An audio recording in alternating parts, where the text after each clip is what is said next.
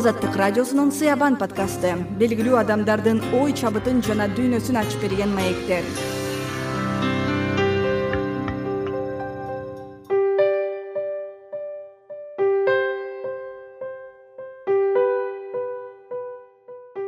Сыябан подкастында кыргыз эл артисти белгилүү кинорежиссер артыкбай сүйүндүков менен маекти режиссер менен мен бурулкан турдубек кызы анын жаңы чыккан шам бала кино тасмасы тууралуу сүйлөштүм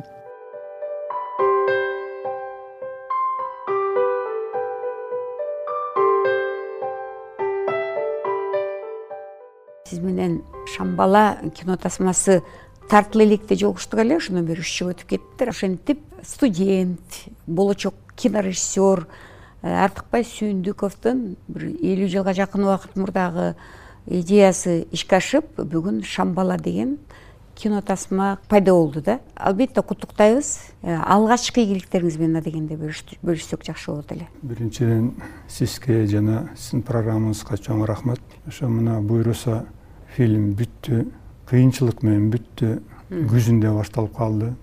Шашылыш түрдө тарттык акыркы күнү тартканда каар түшүп калды. Эл буюрса э, рахмат жакшы кабыл алды сынчылар да жакшы кабыл алды. Чет мамлекеттен э, бир топ жерден белгилүү сынчылар өзүнүн оюн айтышты.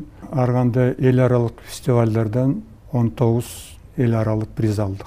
Э, баланын ролу үч жолу белгиленди эң мыкты роль деп момундун ролу белгиленди. Башкы каармандар башкы каармандар бүт баягы киного катышкан кесиптер белгиленди.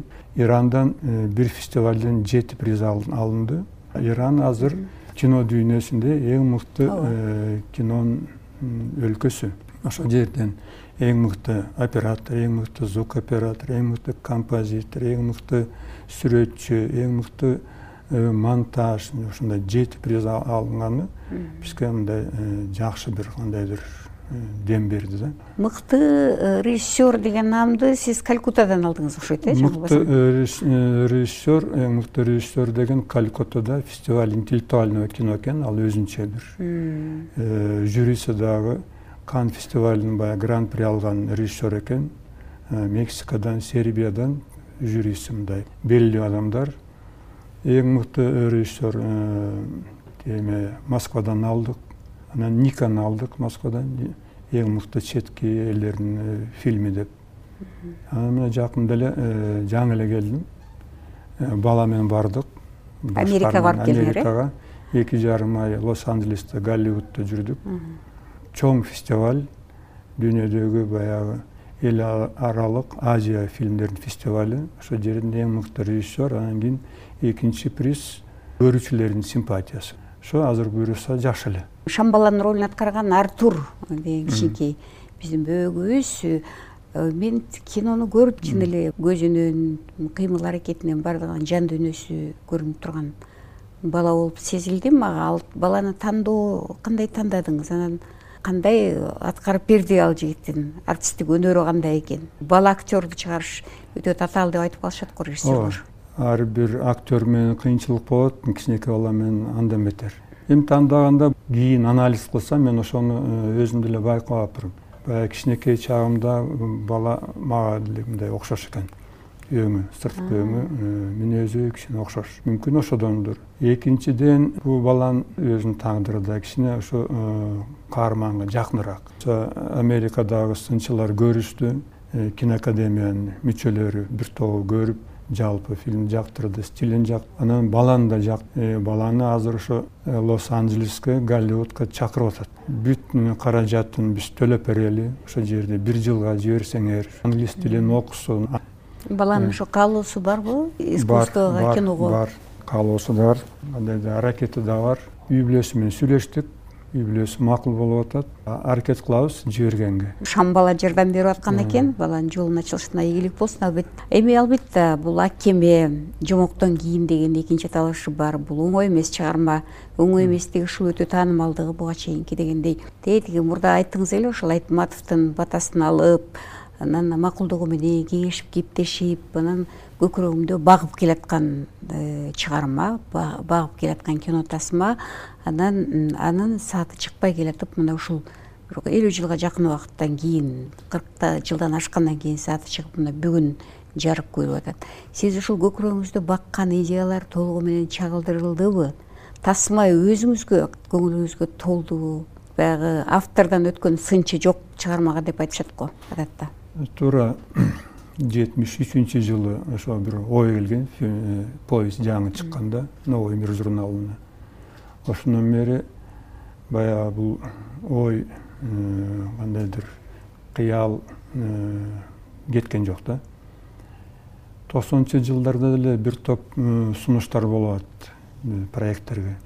Бирок кандайдыр ушу бул проект кое бербей атты да мени биринчиден э, мен өзүм баягы э, өзүм айттым да мынчалык ой кетпесе сенден жүрөгүңдөн оюңдан значит муну тартыш керек. Тартпасаң кандайдыр бул бир жүк болуп жүрөт. Ошол жүктөн э, буюрса мындай кутулдум десе болот. Канчалык баягы оюбуз ишке ашты элдин кулпуна кандай ой келтирет билбейм азыр э, кыргызстанда сынчылар интеллигенция жакшы кабыл алды. Көрүүчүлөр жакшы кабыл алды буюрса э, бирок кино деген баягы өндүрүш да акчага көз карандыбыз э, группага көз карандыбыз техникага көз карандыбыз аба ырайына көз карандыбыз.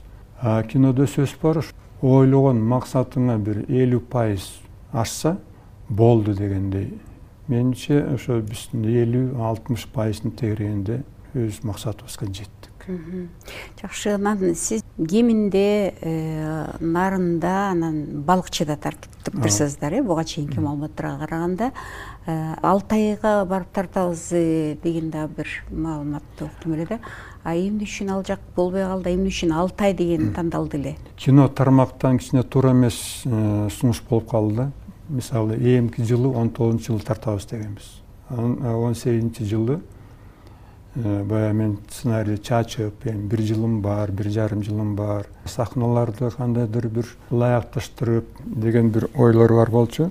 Капысынан чакырып айтып калды. Мына азыр бир айдан кийин баштабасаң минфин акчаны алып коюшу мүмкүн.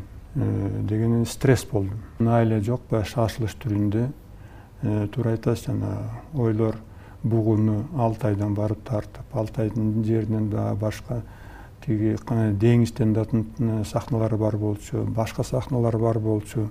Айла жок сахналарды кыскарттык ыргыттык эптеп тартып калайлы деп фильмдин көбү сексен пайызы сексен пайыздан көбүрөөк кеминден тартылды. Кемин элине чоң рахмат ушу жардам берди. Мындайча айтканда чоң мындай риск болду да кандайдыр мен жардын эмесинде турдум да. Анын үстүнө баягы мурда да айтпадымбы беле. Чоң сындар айтылып атат тартуулардын алдында ушундай бир гениалдуу фильмден кийин кажети барбы тартыш э, бугандай тиги бу деп. Сөзүңүз оозуңузда мисалы бугу ал жерде мындай табигый чыныгы бугу эмес э бул ушул жана бугу жок болуп калган үчүн э, шарт туура келбей калып ошентип бул айла жок мурда совет доорунда э, бүт мүмкүнчүлүк түзүлчү мындай азыр кыргыз кинонун тартылганы аябай кыйноо менен болуп атат да. Кино эмес мурда эле кыйноо болчу азыр беш эсе кыйноо болуп атат. Жакында эле ташкент фестивалына барып келдик. Мурда деле өзбек фильми өзүнчө даректүү фильм э, тартыла турган студиясы өзүнчө болчу оюн фильм өзүнчө болчу азыр могу жаңы президент келгенден бери укмуш студия салып бир кайра баштан реконструкция кылып каражат берип атат. Кинотеатрларды дом кинону союз кинематографисти финансированиясын өзбек киносу менимче алда кетет жакында эми сиздер ушул маселени көтөрүп атасыздарбы мисалы бийликтин алдына сиздерге окшогон аттуу кишилер айтыш керек го. чарчап да бүттүк өкмөттүн деңгээлиби жогорку кеңештин деңгээлиби баягы маданиятка мындай э, көз карашы кичине эме болуп атат да. Азыркы өкмөттөн азыркы президенттен азыркы жогорку кеңештен азыркы бийликтен үмүтүбүз бар. Үмүтүбүз бар. Күтүп атабыз. Э, кайра ошо тасмага кайрылсак советтик чыгаан кинорежиссер болот шамшиев тартып ссср мамлекеттик сыйлыгына татыган даңазалуу ак кеме деген тасманы көрбөгөн киши өтө эле аз болсо керек менимче болбосо да керек деп ойлойм да. Анан ошондон кийин экинчи тартылып аткан тасма бул шамбала болуп атат да. Ушул сиз менен мурда уюштурган интервьюнун алдына бир окурман көрөрман деп айтсак да болот жазып калтырыптыр. Ак кеме ойдогудай тартылган тасма дейт. Режиссер жаңысынан эмнени издеди экен? Жаңылык болсо жакшы мүмкүн башка ойлор да жаңырат деп э, баягы ишенимин билдирип атат. Бул тасманын жаңылыгы эмнеде болду сиздин э, өзүңүздүн көз карашта мындай максат койгом да. Э, мен тиги фильмге баягы окшоштуруп же повестьке окшоштуруп экинчи баягы вариантын тарткым келбейт кажети да жок. Мага да ал кызыксыз. Ар бир режиссер кинону биринчи жолу койсо дагы повестьке караганда өз кандайдыр э, көз карашын өз оюн өзүнүн философиясын ошо чыгармага киргизиш керек. Антпесе э, кандайдыр бир котормо эле болуп калат да адабияттан киного. А бул жерде э, фильм тартылып атат белгилүү фильм. Сиз айткандай сссрдин мамлекеттик премиясын алган. Дүйнөгө белгилүү жазуучунун чыгармасы. Ошон үчүн мен өзүмө максат койгом мен өзүм көз карашым эметем башка стилде башка кандайдыр э, ойлорду киргизем башка сахналарды киргизем. Ал жанагыдай э, механический эле ушинтиш керек деген жок. Баягы мени жылыткан ойлор пикирлер кандайдыр көз караштар ошого аракет кылдым. Чыңгыз төрекуловичка э, тирүүндө өзүм оюмду айтып бергем. Таң калган сен тиги фильмден эмес тиги повесттен дагы мындай башка көз караш менен тарткан жатасың бул мага жагат деди. Давай тарт деп баягы уруксатын батасын берген. Негизи мен ой максатым э, ошол болгон э, менимче бул ишке ашты. Мындайча сыртынан алганда дагы сексен пайыздан ашык сахналар повестьте тиги э, ак кеме фильмде да жок. Такыр сексен пайыз сахналар да башка. Ошо повесттен кандайдыр таасир алганым баягы жетимишинчи жылы окуганда өзүм баягы өмүр баяныман өзүмдүн баягы турмушуман кичинекей чагыман бир топ нерселерди киргиздим. Эми жалпы коомчулукка качан чыгат кинотеатрлар качан көрсөтө баштайт? Э, буюрса азыр дагы бир топ э, фестивалдарга кичине жиберип күзүндө э, чыгарабыз го дейм рахмат чыгармачылык ийгиликтерди каалайбыз рахмат сизге